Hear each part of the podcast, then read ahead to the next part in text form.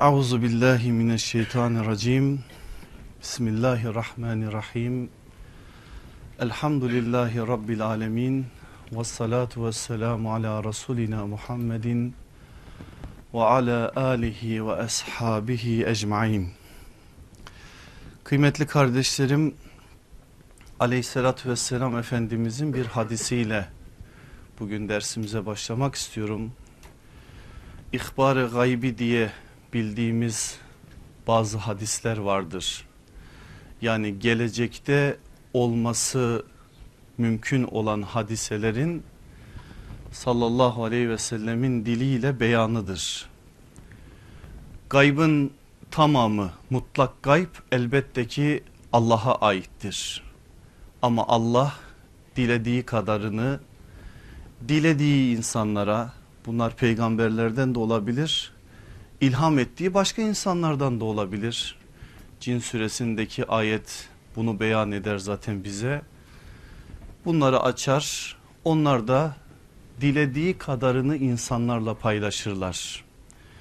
İşte Efendimiz aleyhissalatü vesselamın gelecekte olması mümkün olan bazı hadiselerden haber vermesi, ahir zamanda ortaya çıkacak bazı meseleleri bildirmesi, kıyamete ait bazı hadiselerden bahsetmesi, cennetten cehennemden bahsetmesi bu ihbar-ı gaybi sınıfı dairesinde değerlendirilmelidir. Benim size biraz sonra aktaracağım hadisi de Tirmizi, Ebu Davud, İbn Mace ve daha birçok hadis kitabı bize naklediyorlar. Sallallahu aleyhi ve sellem sözün perdesini şöyle kaldırıyor. Diyor ki benden sonra gelenler birçok ihtilaf ve sıkıntı göreceklerdir. Bu söz tasdiklenen bir sözdür. Hemen Efendimiz aleyhissalatü vesselamın arkasından ortaya çıkan hadiseler ve bugün ümmet olarak yaşadığımız sıkıntılar sözün aslında fiili bir karşılığıdır. Sıkıntılar var ümmet olarak içimizde her geçen gün tefrika daha da ziyadeleşiyor. Allah bizlere merhamet etsin de şu aramızdaki sıkıntılar bir an önce giderilsin. Ne yazık ki ihtilaf yani yıkan yok eden ihtilaf her geçen gün ümmetin içerisinde biraz daha derinleşiyor. Daha farklı noktalara kayıyor. İşte aleyhissalatü vesselam Efendimiz de bunu beyan ediyor. Benden sonra birçok ihtilaf ve sıkıntı göreceklerdir ümmetim. Siz bu ihtilaf ve sıkıntılardan kurtulmak istiyorsanız diyor sallallahu aleyhi ve sellem sünnetime ve doğru yola sizleri götürecek olan Raşid halifelerimin sünnetine sarılın yapışın. Sözün devamında Efendimiz aleyhissalatü vesselam bu sarılmanın nasıl olması gerektiğini de bize söylüyor. Nasıl sarılalım ya Resulallah? Ellerinizle değil azı dişlerinizle tutar gibi sarılın. Eğer azı dişlerinizle kavrar gibi kavrarsanız benim sünnetimi yani size bıraktığım o nebevi mirası inşallah siz o dalgalar içerisinde o savrulmalar içerisinde o kaymalar içerisinde istikametinizi koruyabilirsiniz istikrarınızı muhafaza edebilirsiniz. Allah'ın istediği gibi bir kulluğu ortaya koyabilirsiniz. Bizim buradaki derdimiz de bu. Allah bizi bundan geri koymasın. İstiyoruz ki bu, bu nebevi mirası biraz daha yakından tanıyabilelim. Biraz daha tanışalım. Kişinin bilgisiyle ameli beraber yürür. İstiyoruz ki bu manada bilgimiz ziyadeleşsin ki ona orantılı bir biçimde amelimiz de artsın, amelimiz de ziyadeleşsin. Bundan dolayı nebevi sofranın inşallah taliplileriyiz, talibiyiz. Allah son nefesimize kadar da bu sofradan bizleri mahrum etmesin inşallah.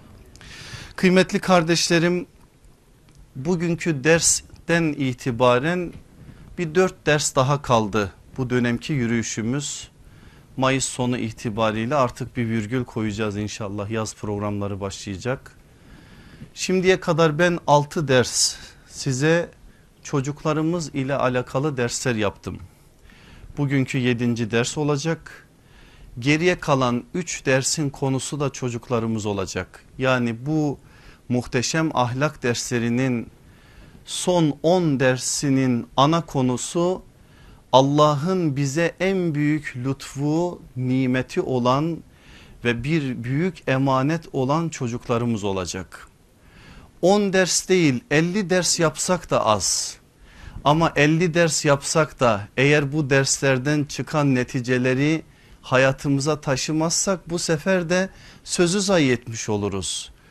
Ben biliyorum elhamdülillah duyuyorum sizden kardeşler bazı şeyler söylüyor bizim gibi aciz insanlar bunları duyunca biraz daha seviniyor daha farklı bir heyecan oluşuyor.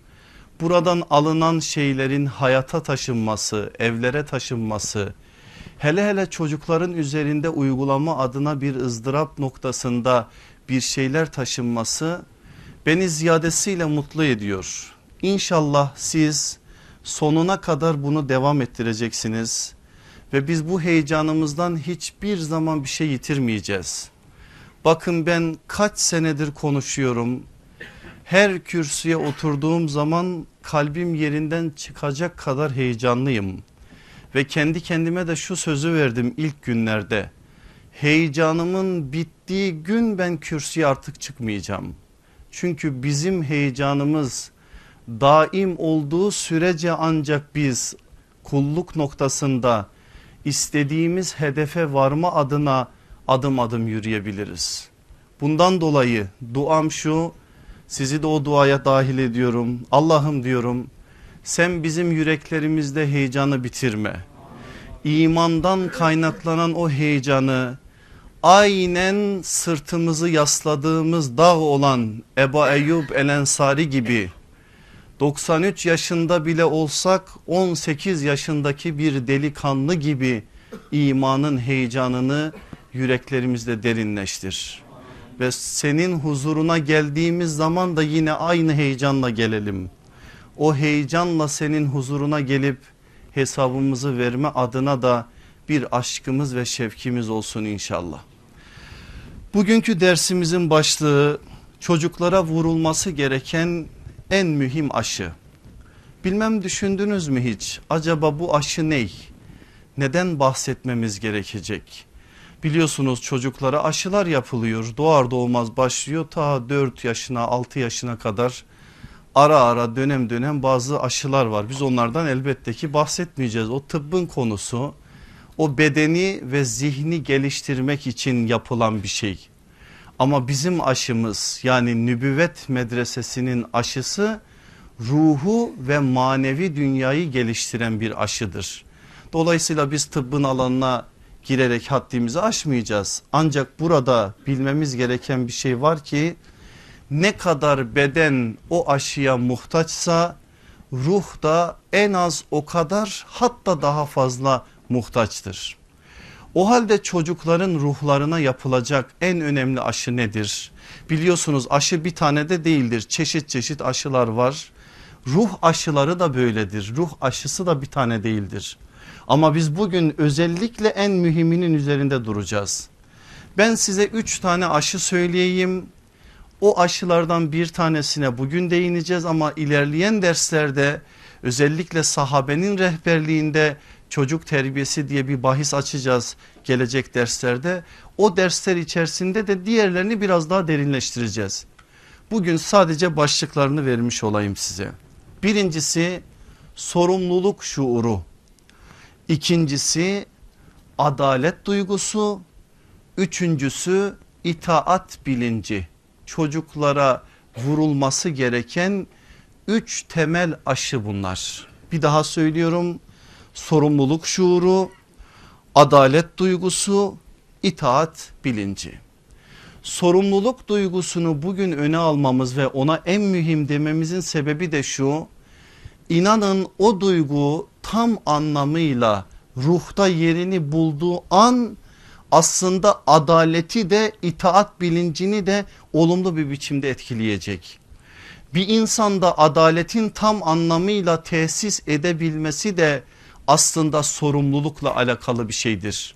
Ve bir insanın gerçek manada itaati anlaması, itaatin Allah'ın bir emri olduğunu fark etmesi, toplum içerisinde itaatin nasıl toplumun saadeti açısından önemli olduğunu bilerek aile içerisindeki itaatin de ailenin saadeti için olmazsa olmaz bir esas olmasını bilmesi de sorumlulukla alakalıdır. Onun için bizim en mühim aşı dememiz bizim bir tercihimiz değil işin hakikatinden dolayıdır. Biraz sonra zaten detaylarını görünce siz de bana hak vereceksiniz. Şimdi aziz kardeşlerim yaşadığımız şu zeminde bir büyük problemle baş başayız. Nedir o problem? Bu nesil büyüyemiyor ne yazık ki. Ciddi bir hastalık bu. Yani bir bakıyorsunuz 20 yaşında, 30 yaşında, 40 yaşında ama ortaya koyduğu fiiller, eylemler 10 yaşında, 15 yaşında. Yaş ile ruhsal yaş eşit bir biçimde gitmiyor. Bu neslin en büyük problemlerinden bir tanesidir bu. 20 yaşında 25 yaşında gençlerle oturup konuştuğunuz zaman benim yaşım öyle çok ileri değil sizin o orta sınıf sayabileceğiniz bir yaş grubundayım ama yaşça büyük olanlar daha iyi fark edeceklerdir. Gerçekten bizim çocukluğumuzda dahi elde ettiğimiz sınırı şu andaki nesilde elde edemiyoruz. Biz ortaokul yıllarını hatırlıyorum ben o zamanki yıllardaki çocukluklarımız ve bizden önce yaşayan insanların özellikle de bize bir şekliyle etkileri olan ortaokulda abilerimiz olan lisede abilerimiz olan üniversite yıllarında abilerimiz olan insanların o zamanki halleriyle bugünkü aynı yaş grubu insanları kıyas ettiğiniz zaman ciddi bir fark görüyorsunuz. Bu nesil nedendir bilemem aslında bilirim de biraz sonra bazı şeyleri söyleyeceğim. Sıkıntılar var o sıkıntılardan dolayı bir türlü büyüyemiyoruz. 28 Şubat darbesinin bize en büyük vurduğu darbe de bu alanda oldu. Bilmem bunu nasıl değerlendirirsiniz? Bizim abilik müessesemizi yıktı. Şimdi okullara gittiğiniz zaman, üniversitelere gittiğiniz zaman, İmam Hatip okullarına gittiğiniz zaman 10-12 sene önce var olan şeyi göremiyorsunuz. 10-12 sene önce ne vardı? Lise 1'deki bir talebe bakıyordun ortaokuldakilere abilik yapıyor. Lise sonda okuyan bir talebe lise 1'de olanlara talebelik yapıyor. Üniversitede olan liseye talebelik değil abilik yapıyor. Üniversitede olan birisi bir bakıyorsunuz lisede olana üniversite 3. 4. sınıfta olanlar 1. sınıfta olanlara abilik yapıyor. Ellerinden tutuyor kitaplar okutuyor sohbetlere getiriyor ilgileniyor mesai harcıyor. Şimdi gidiyoruz üniversitelere liselere ne olur gençler kusuruma bakmasın. Üniversiteler koca koca anaokulu gibi çocukların yapmayacağı işleri oradan görüyorsunuz. Ciddi bir sıkıntı var bu noktada ve o mesele tamamen hayatımızdan çıkmış gibi kimse artık başkasının bu manada derdini çekme gibi bir bedel ödemeyi göze almıyor. Bana ne diyor ben niye çekeyim diyor. Ama o zamanlar işte 15-16 yaşındaki bir delikanlı bir genç okuduğu kitabın heyecanıyla başkalarına heyecan katma adına bir ızdırap içerisinde olurdu. Elde ettiği bir dergiden bir makaleden bir fikri kendinden altta olan insanlara aktarma noktasında duyurma noktasında bir heyecan taşırdı. Ne olduysa bilmiyorum ama o ayak kesildi. Yeniden bizim bir kez daha bu meseleyi gündemimize alıp bu mesele üzerinde çalışıp projeler üretmemiz gerekiyor. Efendimiz aleyhissalatü vesselamın bu konudaki rehberliklerini söyleyeceğim. Ama bir hususa daha dikkatinizi çekmek istiyorum. Dedim ya ben 41 yaşlarındayım. Şimdi yaşça benimle aynı dönemi paylaşanlar iyi anlayacaklar. Ama yaşı 30 olanlar 20 olanlar bu söylediklerimi belki anlayamayacaklar. Bizim ve bizim üstümüzdeki yaş grubunda 10 yaşında evde bir erkek çocuğu eve artı bir değer katardı. Çalışmadan bir insana evde ekmek verilmezdi. Özellikle Anadolu'dan gelen ve burada sıkıntılar çeken insanlar bunun ne demek olduğunu daha iyi bilirler. 10 yaşı altı da var da ben 10 üzerinden konuşayım. Çıraklık yapmıştır, limonata satmıştır, simit satmıştır, inşaatlarda çalışmıştır. Babasının iş yeri varsa orada çalışmıştır ama bir şekilliyle çalışmıştır. Çalışmadan, terlemeden çocukluk dönemi geçmemiştir. Şimdi 20 yaşında 30 yaşında çalıştıramıyorsunuz. Söylediğiniz zaman tepki alıyorsunuz. Bir acayip hal oldu.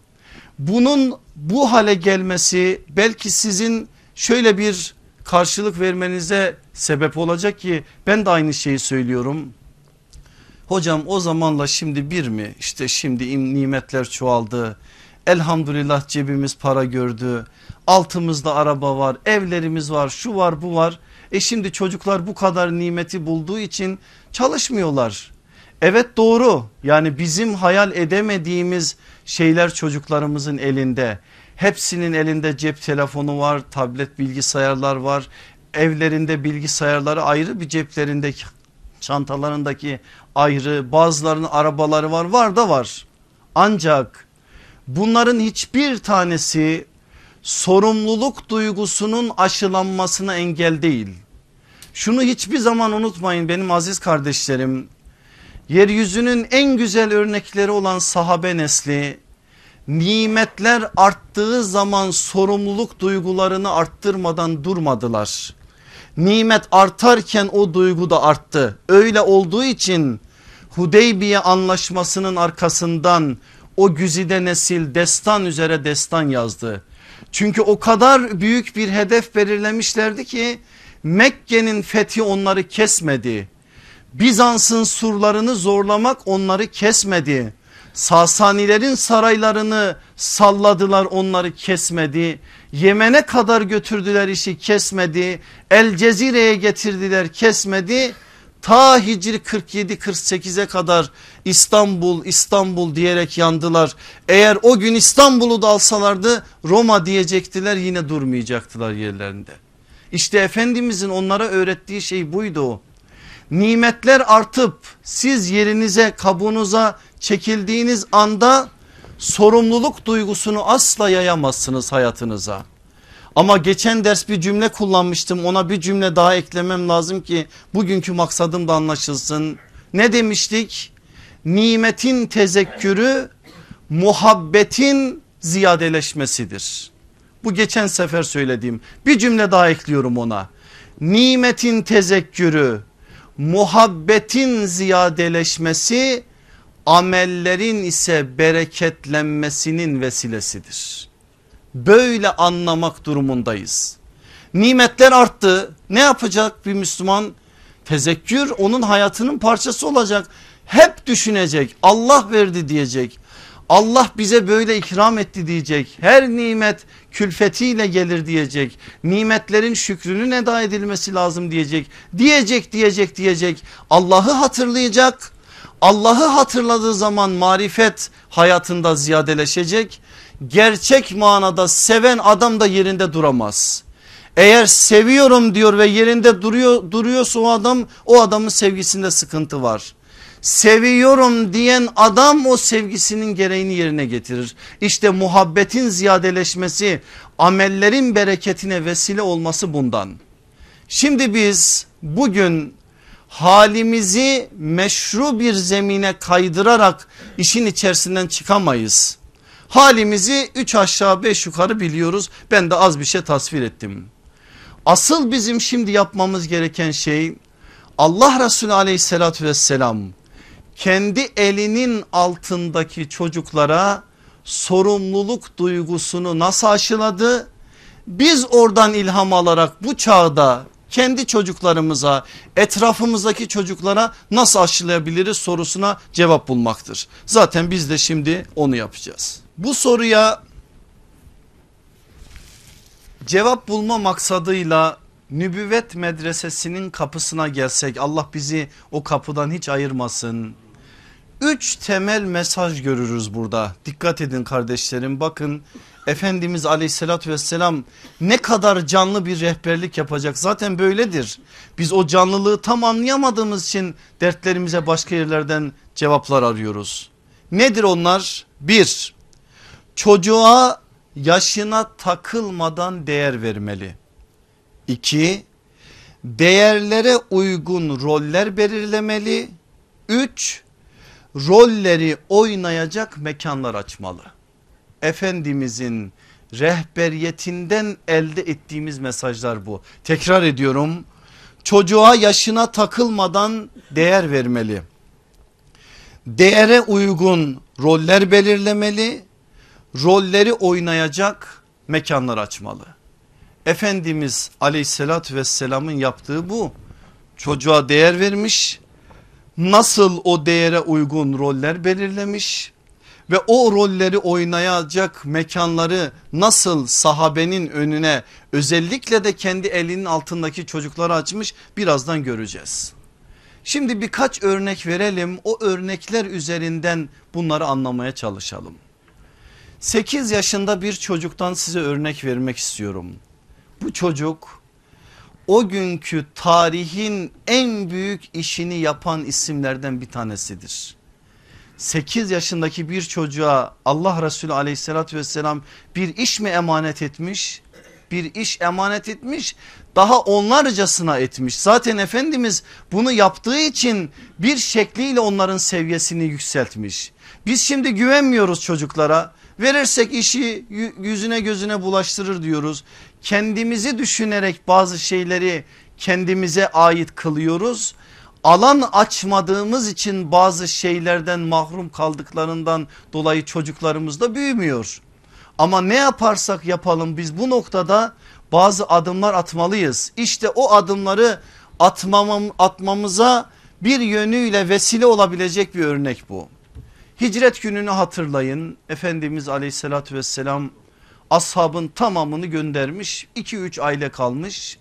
Kendisi de sadık dost Hazreti Ebu Bekir ile yola çıkacak. Efendimiz sallallahu aleyhi ve sellemin hicret yolculuğunu bana deseniz ki hocam bir cümlede bize özetle ne derim biliyor musunuz? Esbaba tevessül Allah'a tevekkül. Hicret bu. Esbaba tevessül Allah'a tevekkül. Kul olarak beşer olarak elinden ne geliyorsa onu ortaya koymak tedbir almak, strateji ise onu belirlemek, ondan sonra da gerekli olan adımları atmak. Efendimiz aleyhissalatü vesselam bunu yapıyor. Roller biçiyor, rollerden bahsettik. Neydi o roller? Esma anamız 27 yaşında 7 aylık hamile ona rağmen ona biçilen rol Sevir dağına o mağaraya azık taşımak. Efendimiz beşer olarak da öncesinde bir adım atmış. Yesrib bu tarafta Sevir bu tarafta Cidde'ye doğru insanlar biliyor Yesrib'e doğru gidecek ama Sevr'e doğru geliyor Cidde'ye doğru 3 gün 3 gece kalacağı o mağaraya geliyor. Esma'ya biçilen o rol orada oradan yürürken ayak izleri kalacak. O dönemde de iş sürücüleri çok meşhurdur. Abdul Amr İbni Füheyre isimli Hazreti Ebu Bekir'in hizmetlisi olan o büyük insana ki biri Maune'nin şehididir.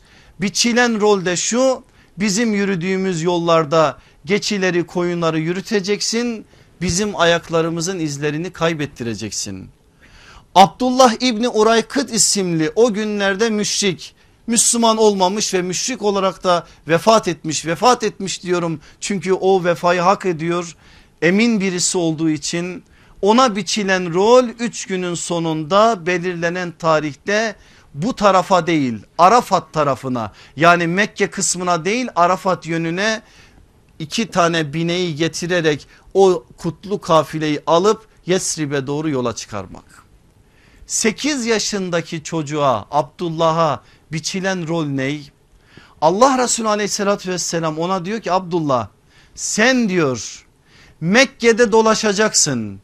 Büyüklerin sohbet meclislerine yaklaşacaksın onlar ne konuşuyor onları duyacaksın. Gelip o bilgileri ablan Esma'ya anlatacaksın. Ondan sonrasına karışmayacaksın. Böyle bir görev biçilmiş ona ayakları yerden kesilmiş. Resulullah sallallahu aleyhi ve sellem o insanı Mekke'de bu işin tabir caiz ise eğer istihbaratının başına geçirmiş.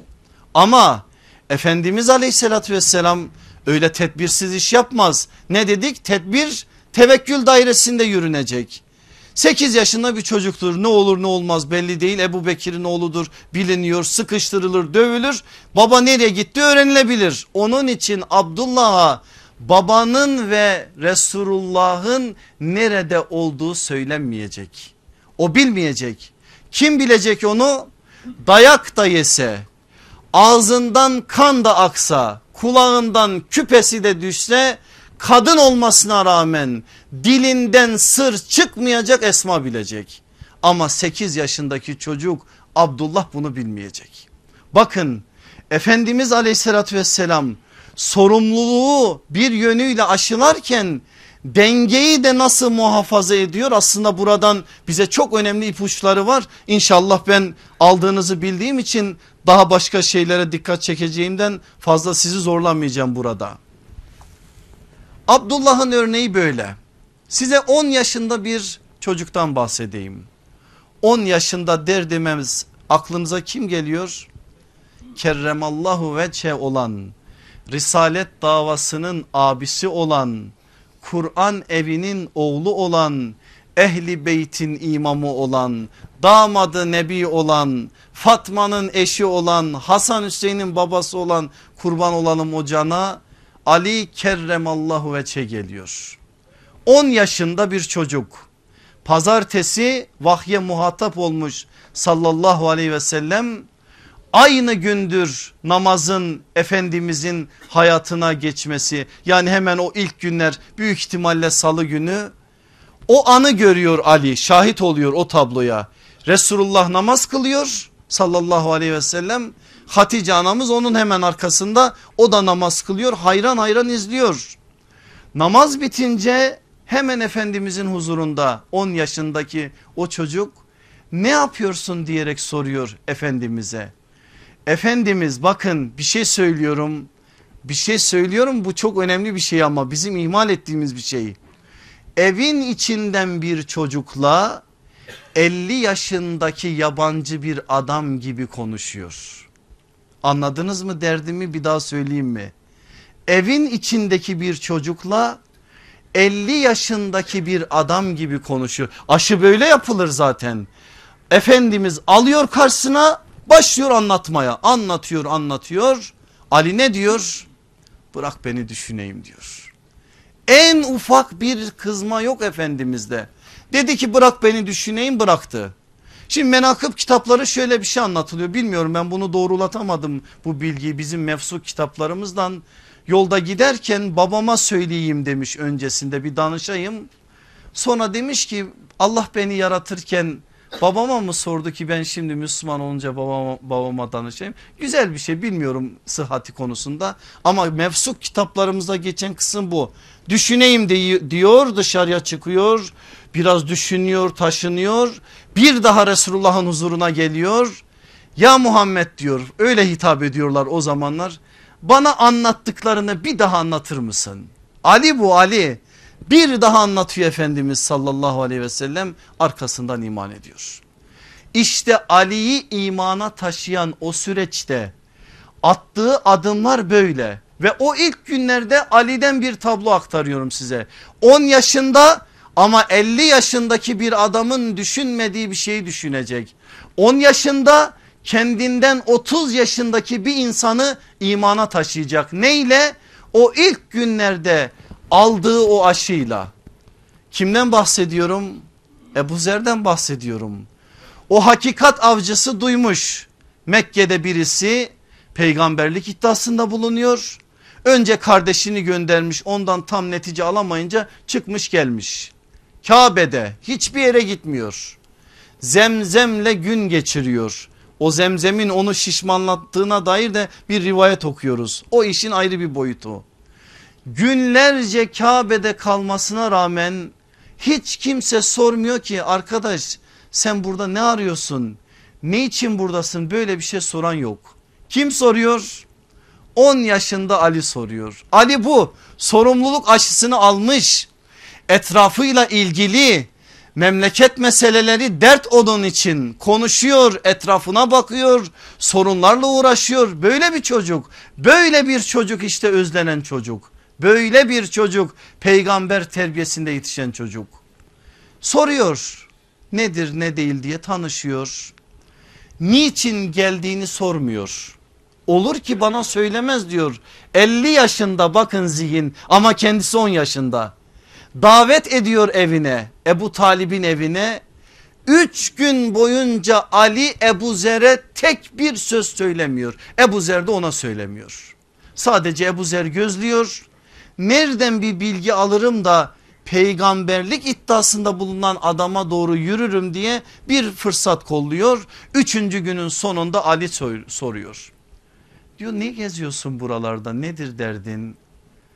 söz ver diyor bana sırrımı ifşa etmeyeceksin söyleyeyim. Söz diyor sözü alınca söylüyor. Peygamberlik iddiasında bulunan biri varmış onunla tanışmaya geldim. Sen tanıyor musun onu diyor. Ali diyor ki nasıl tanımam o benim amcamın oğlu. Nerede peki o diyor. Safa tepesinde bir evde. Ama biz ikimiz beraberce oraya yürürsek Mekkeliler görürler ve senin Müslüman olduğunu anlarlar sana da bana da zarar verirler. Nasıl yürüyelim? 10 yaşında dikkat edin. Ben önde yürüyeyim sen arkamda yürü. Ben bir yere geleceğim. Eğer tehlike yoksa oradan eve girerim sen de arkamdan girersin. Eğer birileri bize bakıyorlarsa ben o evin kapısının önünde ayakkabımla uğraşır gibi yaparım. Çıkar giderim ben gittikten sonra sen o eve gir kerremallahu vece. Niye Ebu Zer Ali'ye aşıktır anladınız mı? Ali'ye aşık olmasın da kime olsun? 10 yaşındayken Ali onu böyle imana taşıyor. Yıllar sonra da Hazreti Ebu Zer Hazreti Ali'nin arkasından bir dakika ayrılmayacaktır. O gün atılan tohumdur işte bu. Ali bu. 10 yaşındaki kameti bu. Gelin 13 yaşındaki haline Ebu Kubeys dağının eteklerinde Efendimiz Ali, aleyhissalatü vesselam genel davetin ilk merhalesi bütün yakın akrabalarını davet etmiş onlara bir yemek ikram edecek arkasından da İslam'a ait bazı şeyleri onlara açacak. Bütün amcaları halaları amca çocukları hala çocukları sayının 45-50 olduğu söylenir bu kadar insan var. Ali'ye bir rol biçmiş bakın Efendimiz sahada Ali'ye imkan açıyor. Sahada Ali'ye bir şekliyle hizmet edebileceği bir şekliyle kendisini ortaya çıkaracağı sorumluluğunu daha da geliştireceği bir alan açıyor. Babalara annelere çok şeyler söylemeli bunlar. Efendimiz o işi başka birine de yaptırabilir. E, mesela Zübeyir bin Avvam da aileden biri sayılır. 16-17 yaşlarında ona yaptırabilir. Aileden başka biri var. Ubeyde İbni Haris var o büyük insan Bedir'in şehidi olacak o insan yaşça Resulullah'tan da büyüktür ona da yaptırabilir hayır onlara yaptırmıyor bu iş 13 yaşındaki bir çocuğun işi nedir o iş elinde su sürahisi davetlilere su ikram edecek ve Ali o biçilen rol gereği kendisinden istenilen kameti ortaya koyuyor. Allah Resulü aleyhissalatü vesselam yemeği yediriyor. Sonra çıkıyor karşılarına İsa aleyhisselamın rolüne bürünüyor. Allah'a giden yolda bana kim ensar olacak yardımcı olacak diyor. Ses yok bir daha diyor ses yok bir daha diyor. Ali durur mu? Atıyor elindeki sürahiyi ben varım ya Resulallah diyor el kaldırıyor. Amca Ebu, Ebu Leheb dalga geçiyor. Bu çocuk sana yeter diyor o çocuk da ona yetiyor zaten. Ama o gün o kalkan el bir daha aşağıya inmeyecek. Ali Kufe'de şehit olacağı zaman yaş 63'tür. Yeminle bir şey söylesek kefaret yok. Vallahi billahi tallahi 50 yıl boyunca Ali'nin eli hep havadadır. Neden? O gün orada ekilen tohumun neticesidir. Sorumluluk duygusu böyle işletiliyor. Böyle aşılanıyor. Efendimiz işin ehemmiyetini anlatırken onlara değer adına değer verdiği gibi bir de roller biçiyor. Roller biçtiği gibi bir de onlara o rollerini yerine getireceği mekanlar açıyor. Bir şekliyle meydanları onlara açıyor. Sizin hepinizin okuduğu onlarca kez de benim çeşitli vesilelerle anlattığım bir şey var. Sahabe çocuklarında babalarını aratmayacak düzeyde bir cihat sevdası var. Mesela baba oğul noktasında tartışmalarına şöyle bir bakın. O tartışmaları baba bana şunu al baba bana bunu al değil bu çağın insanları gibi. Sen mi gideceksin ben mi gideceğim cihada? Bu tartışmalar çoktur onların hayatlarında. Bunu yapan bir çocuk 20 yaşında olsa anlarsınız. 25 yaşında olsa anlarsınız. 30 yaşında olsa anlarsınız. Bir çocuk 11 yaşında bir çocuk 9 yaşında bir çocuk 12-13 yaşında nasıl kalkar da böyle bir şeyi babasıyla tartışmaya girer? Abdullah İbni Ömer babasının karşısında Ömer gibi dağ bir kametin karşısında ben de geleceğim beni götürmeden gidemezsin diyor Bedre. Hazreti Ömer ne yapıyorsa yakasını kurtaramıyor. Alıyor geliyor Buyutu Sukya'ya Sukya mescidinin olduğu yere Efendimiz dizmiş böyle sıraya o çocukları 8 tane olduğu söylenir isimlerinden bazılarını söyleyeceğim şimdi. Abdullah sen çık diyor. Çık der demez sanki elinden oyuncağı alınmış gibi bir feryat baba diyor inliyor. Varıyor Ömer'in yanına baba diyor beni götürmeden gidemezsin. Oğlum diyor seni götürmeyen Resulullah ben nasıl Allah Resulü'nün sözünün üzerine söz söylerim? Git diyor. Git. Ne zaman Allah Resulü sana izin verdi o zaman gelirsin. Anlatıyor o gecesini Abdullah İbni Ömer anlatıyor bize. Vallahi diyor o gece eve de gitmedim. Mescid-i Nebevi'de yattım. Sabaha kadar ağladım. Nasıl beni Resulullah Bedir ashabının içerisine dahil etmez. Nasıl anlayacaksınız bunu? İnanın anlamakta zorlanabileceğimiz bir meseledir bu. Ümeyr bin Ebi Vakkas, Sad bin Ebi Vakkas'ın o kardeşi, küçük kardeşi. Efendimiz sen çık sen çık sen çık diyor, sen de çık diyor. Çık deyince feryadı basıyor. Ya Resulallah diyor beni çıkardın ama ben onlardan büyüğüm. Bakma benim böyle ufak tefek olduğuma. Öyledir zaten. Ümeyr de isminden nasibini almıştır. Ümeyr biliyorsunuz Ömer'in ismi tasgiridir. Ömercik demektir. Ömerciktir öyle ufak tefektir. Benim kaç yaşında olduğumu sağda sor o söylesin.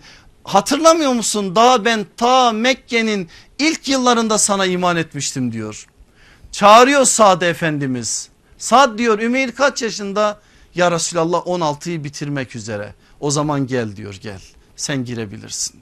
Efendimiz 15-16 onun altındakileri almıyor.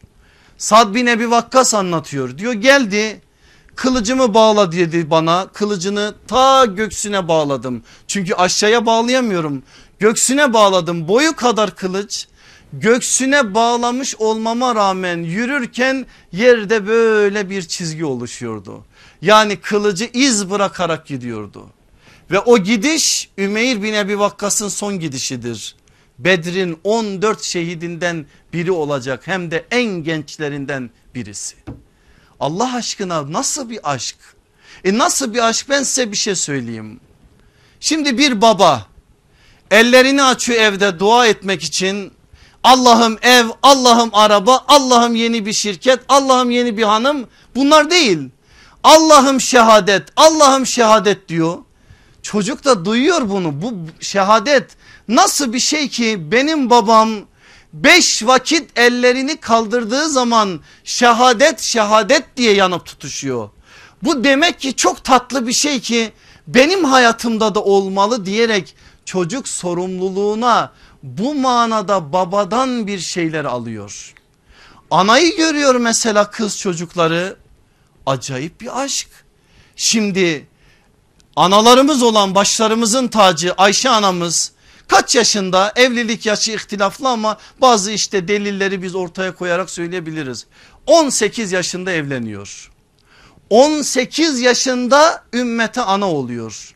Allah aşkına. Şimdi biz bunları söylüyoruz ya evliliğe de teşvik ediyoruz gençleri. E, gençler 30 yaşına geliyor tamam diyoruz artık olgunluktur evlensin. Beyimiz 30 yaşında kızımız 25 yaşında evlendiriyoruz 10 yaşındaki çocukların yapmayacağı hareketler. 30 yaşındaki bir çocuk bir genç bir delikanlı artık sorununu kendi çözemek çözmekten aciz. Böyle bir insanı nasıl evlendirirsiniz siz? Evet evlilik yaşının erken olması sahabede teşvik edilir ama o yaş sadece o yaş değildir. Bir de onun manevi ve ruhsal yaşına bakmak gerekir. 15 yaşında kız çocuğu evdeyken annesi halen evi süpürüyor. Bana göre bu bir felaket. Bilmiyorum siz nasıl bakarsınız?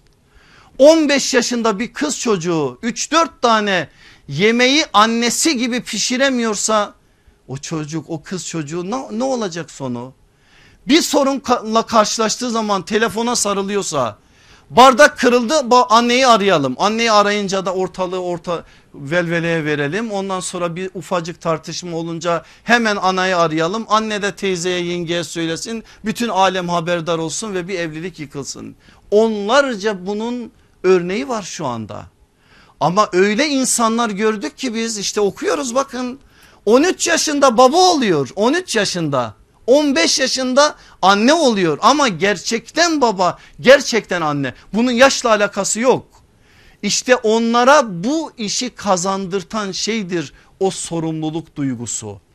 Allah Resulü aleyhissalatü vesselamdan ve o ashab-ı kiram efendilerimizden bunu gördükleri için görerek bir şeylerden dolayı olgunlaştıkları, olgunlaştıkları için o olgunluk onların hayatlarına sirayet ediyor. Bedir'den bu manada çok örnek verilir de ben fazla sizi zorlamayacağım. Çünkü size anlatacağım başka bir örnek var. Ben size şimdi iki tane isimden bahsedeyim. Sonra asıl sizi o örneğin önüne getireyim. 17 yaşında bir delikanlı düşünün ve o delikanlı Hazreti Ebu Bekir'in, Hazreti Ömer'in, Ebu Ubeyde İbni Cerrah'ın, Sad bin Ebi Vakkas'ın, Abdurrahman İbni Af'ın, Hazreti Talha'nın, Hazreti Zübeyir'in sayın artık kimi biliyorsanız Ali ayırın diğerlerini sayın hepsinin komutanı olarak atanacak. Efendimiz Hazreti Ali'yi o gün yanında bırakmış ama onun dışında bu atlarını saydığım isimlerin hepsini Hazreti Üsame'ye asker kılmış. 17 yaşında Üsame İbni Zeyd. Akıllara ziyan bir şey bu. Bu sadece Efendimiz sallallahu aleyhi ve sellemin İslam toplumuna itaat meselesinin önemini öğretmek için attığı bir adım değildir. Evet o var ama başka hikmetleri de var.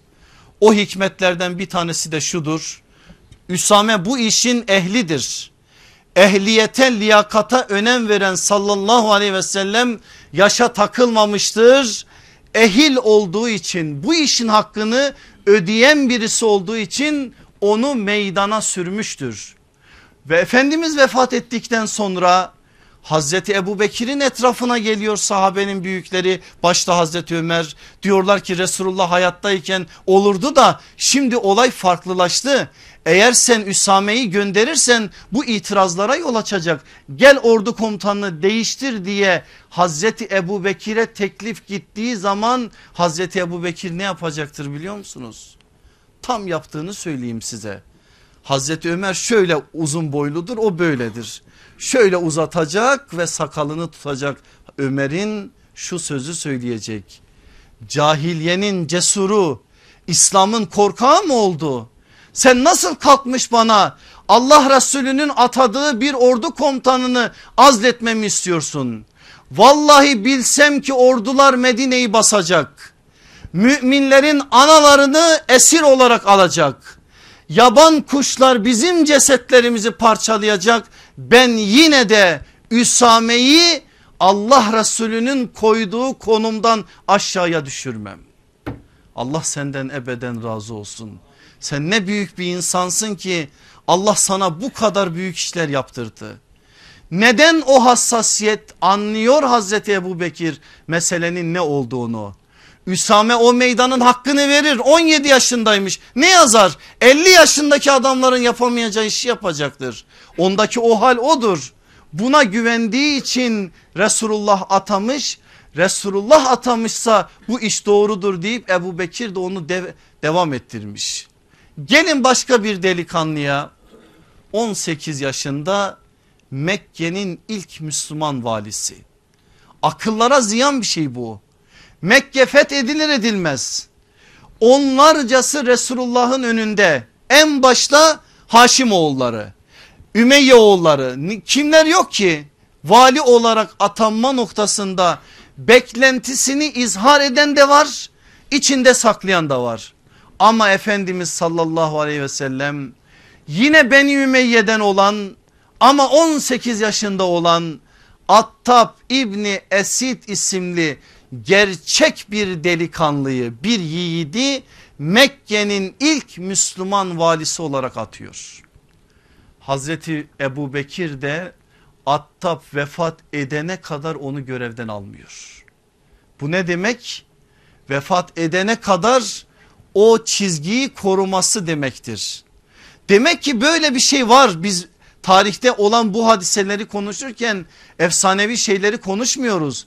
Olmuş ve olması bir kez daha imkan dahilinde olan şeyleri konuşuyoruz.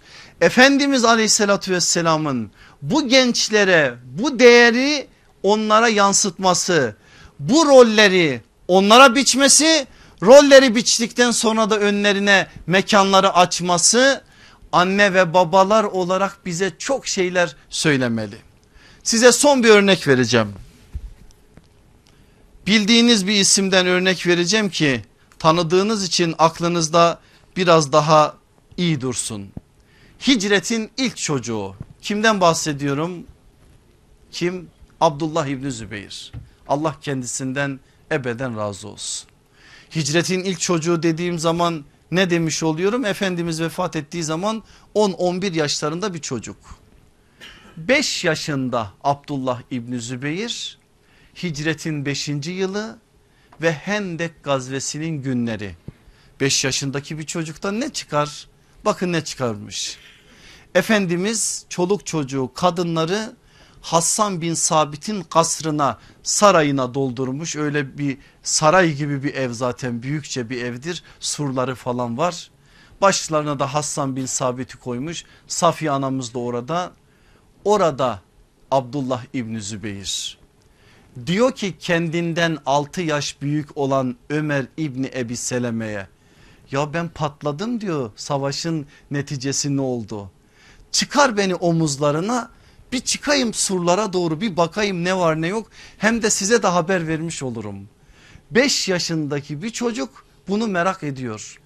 Ömer İbni Seleme çıkarıyor omuzlarına bakıyor bir şeyler göremiyor biraz daha bakıyor bakıyor ki gelen bir atlı var. Atlı yaklaşınca atlının babası Zübeyir bin Avvam olduğunu görüyor. Atlı gidiyor Kurayzoğulları mahallesine bir daha dönüp geliyor. Bir müddet sonra bir daha gidiyor bir daha geliyor. Bunların hepsini merakla hafızasına kaydediyor. Savaş bitmiş eve gelmişler babasını anlatıyor. Diyor ki baba diyor ben seni bu halde gördüm niye? Sen beni gördün mü diyor o halde ve başlıyor anlatmaya.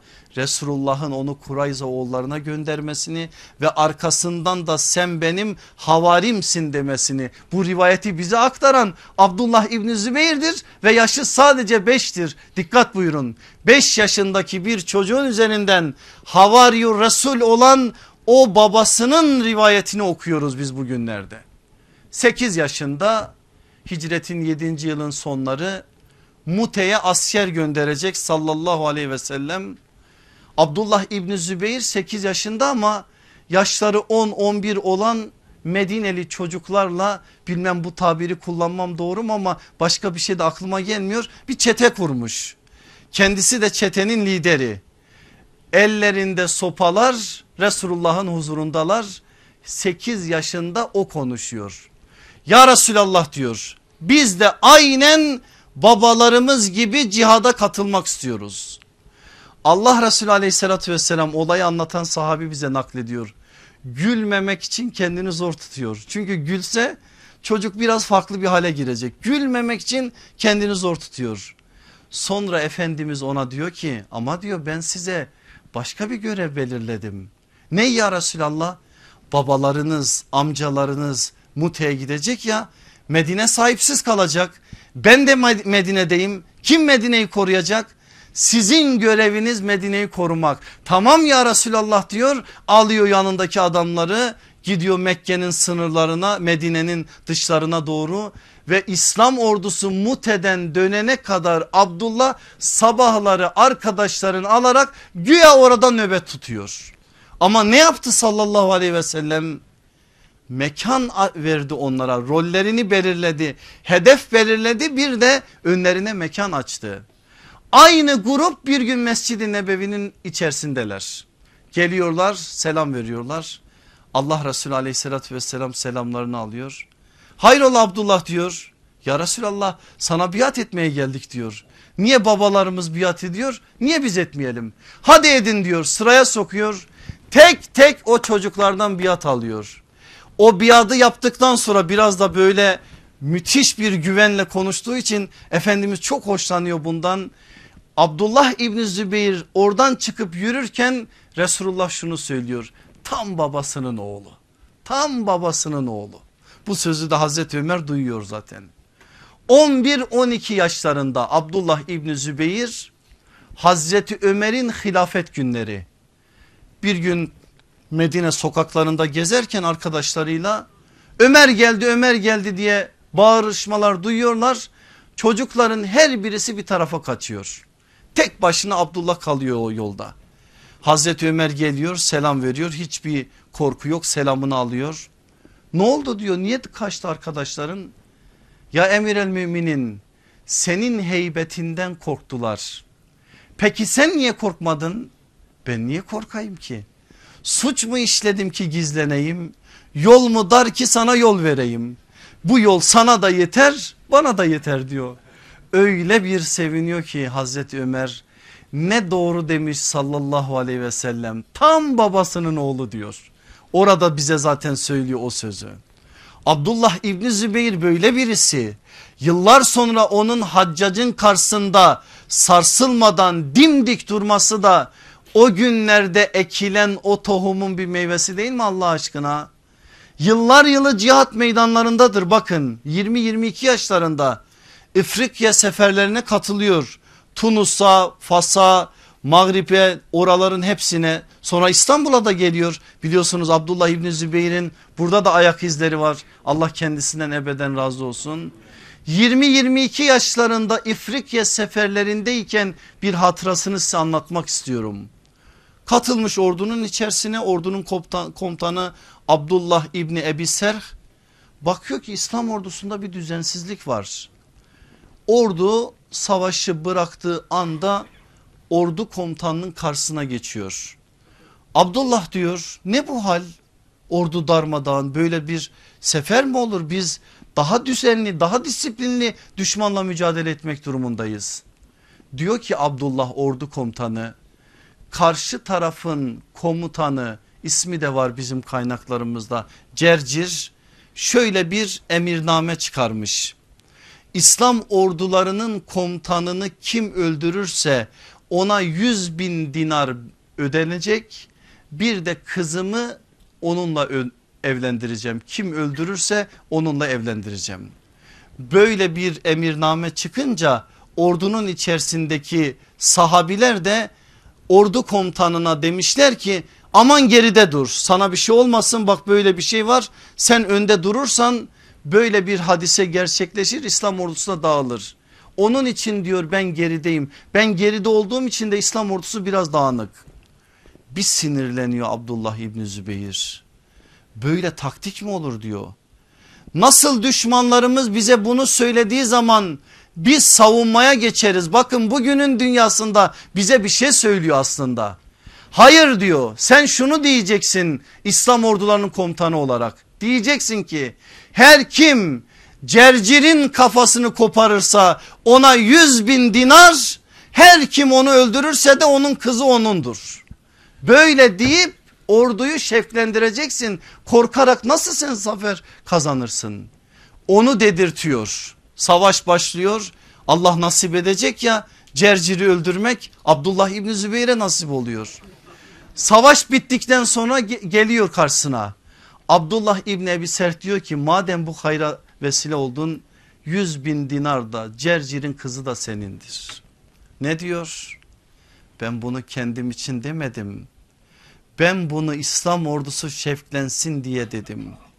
Vallahi tek bir dinar da almam o kızı da istemiyorum. Ben şimdi alayım da mükafatımı ahirette bir şey kalmasın öyle mi? Ne varsa ahirete kalsın diyor. Aynen babası babası da öyle kurban olduğumuz Zübeyir bin Avvam demek ihlas kahramanı demektir. Beklentisiz bir nefer demektir. Abdullah İbni Zübeyir de aynen onun gibidir. Böyle yiğitler nasıl yetişmiş Allah aşkına? Böyle yiğitleri yetiştiren anne ve babalar bu ızdırabı çeken insanlar çektikleri için bir yönüyle onlara da bunu yansıtmışlar. Ama burada şunu söyleyeyim. Söyleyin biraz meraklanın. İlerleyen derslerde zaten o konuya gireceğiz. Çekilen sıkıntıların bedeli ne kadar fazlaysa insan kalitesi de o kadar fazla olmuş. Tarihin her döneminde aynıdır. Bir daha tekrar ediyorum. Çekilen sıkıntıların bedeli ne kadar fazlaysa insan kalitesi de hep o kadar fazla olmuş. Sahabede bu vardı vahiy döneminde doğan çocuklar ki onlar da sahabidir yaşı ne olursa olsun onlarda da o vardı.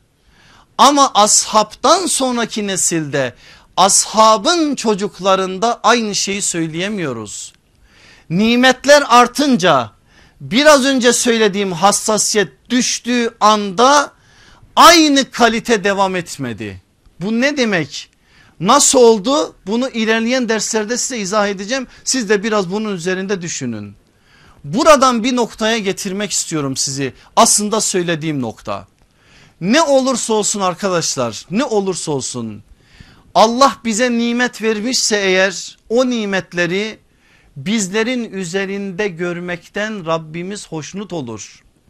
Varken yokluk içerisinde yaşamak doğru değil. Ailene geç yedireceksin bir sadaka olarak açtıkça açacaksın israfa kapı açmamak şartıyla. Ama hayatından çıkarmayacağın çok temel bir ilke olacak.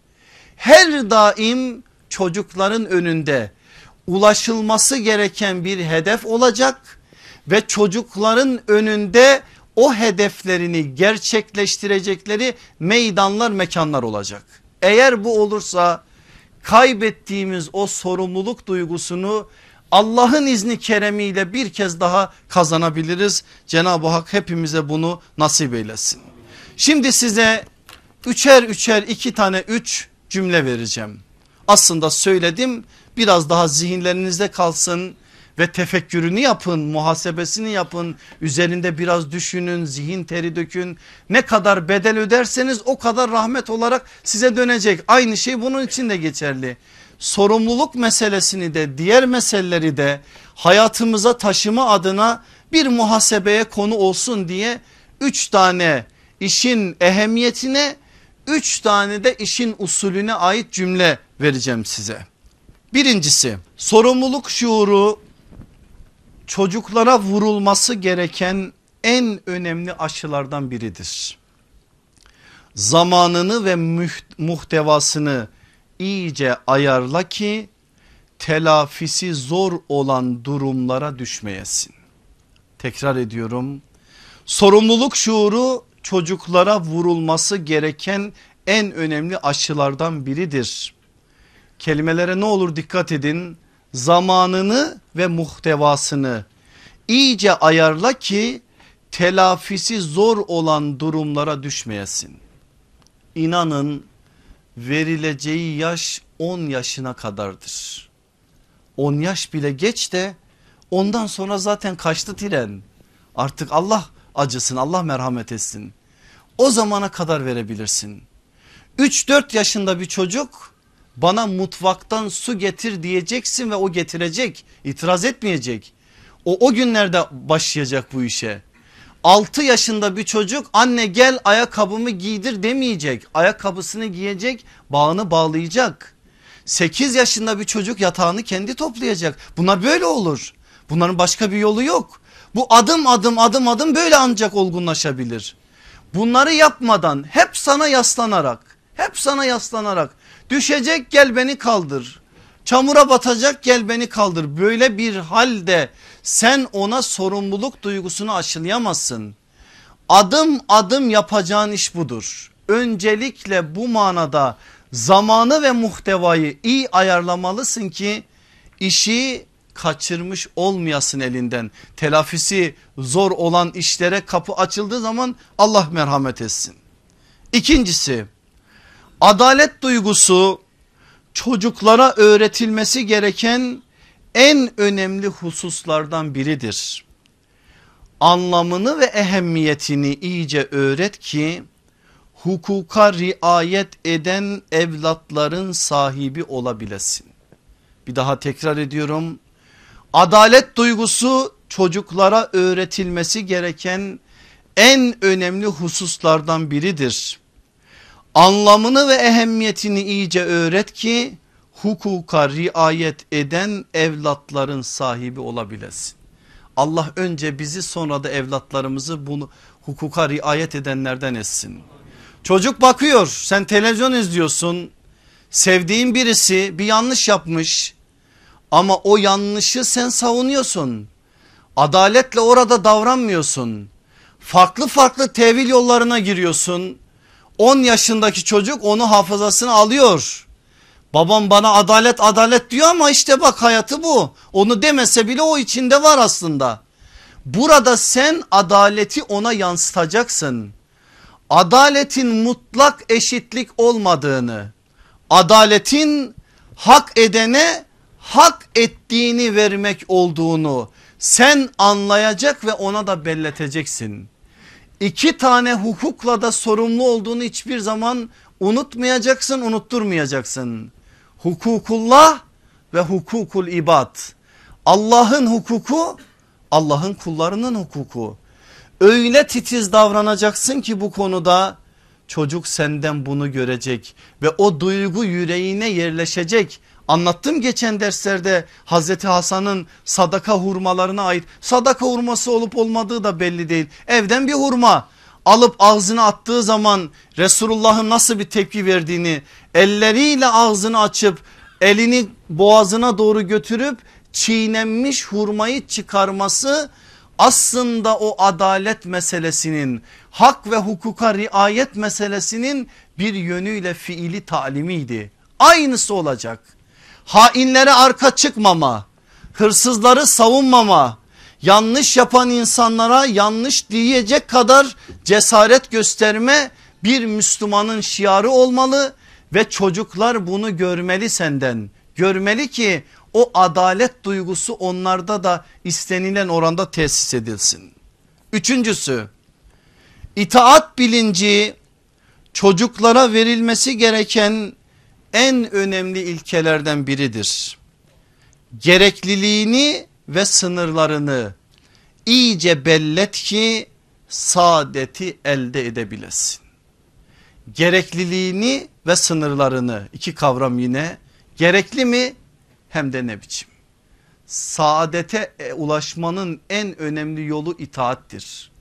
İtaat meşru dairededir elbette ki gayrimeşru şeyler için söylemiyoruz. Günahta masiyette itaat yoktur. En temel ilkeyi koymuş zaten sallallahu aleyhi ve sellem. Buradaki bizim kastımız meşru olan meselelerdedir. Böyle meselelerde babaya itaat edilmesini öğrenmeli çocuk.